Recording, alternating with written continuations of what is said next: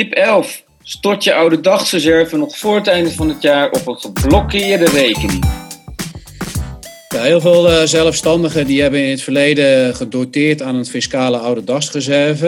Uh, nou, die fiscale oude dagsreserve dat is eigenlijk een papieren aftrekpost. Hè. Je mag dan een bepaald percentage uh, van je winst uh, mag je doteren aan die fiscale oude dagsreserve. En daar betaal je in dat jaar dan geen belasting over.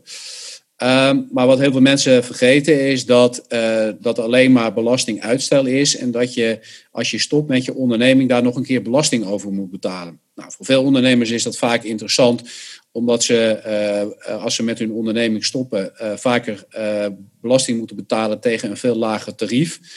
Maar er moet wel nog een keer belasting over betaald worden.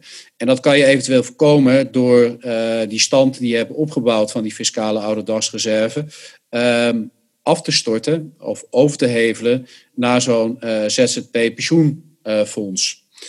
Um, want dan valt die fiscale oude dasreserve, die valt in principe dan vrij in dat desbetreffende jaar. Maar daartegenover staat dan weer een, een, een aftrekpost die gelijk is aan die vrijval van die fiscale oude dasreserve.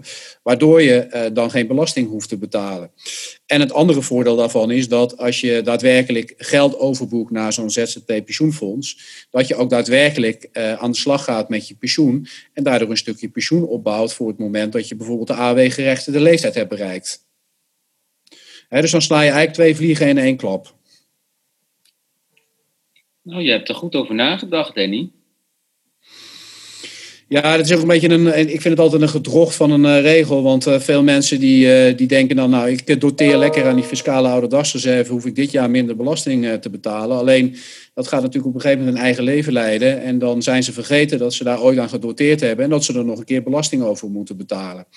Dus dan kan je beter uh, tussentijds uh, voor deze uh, optie kiezen.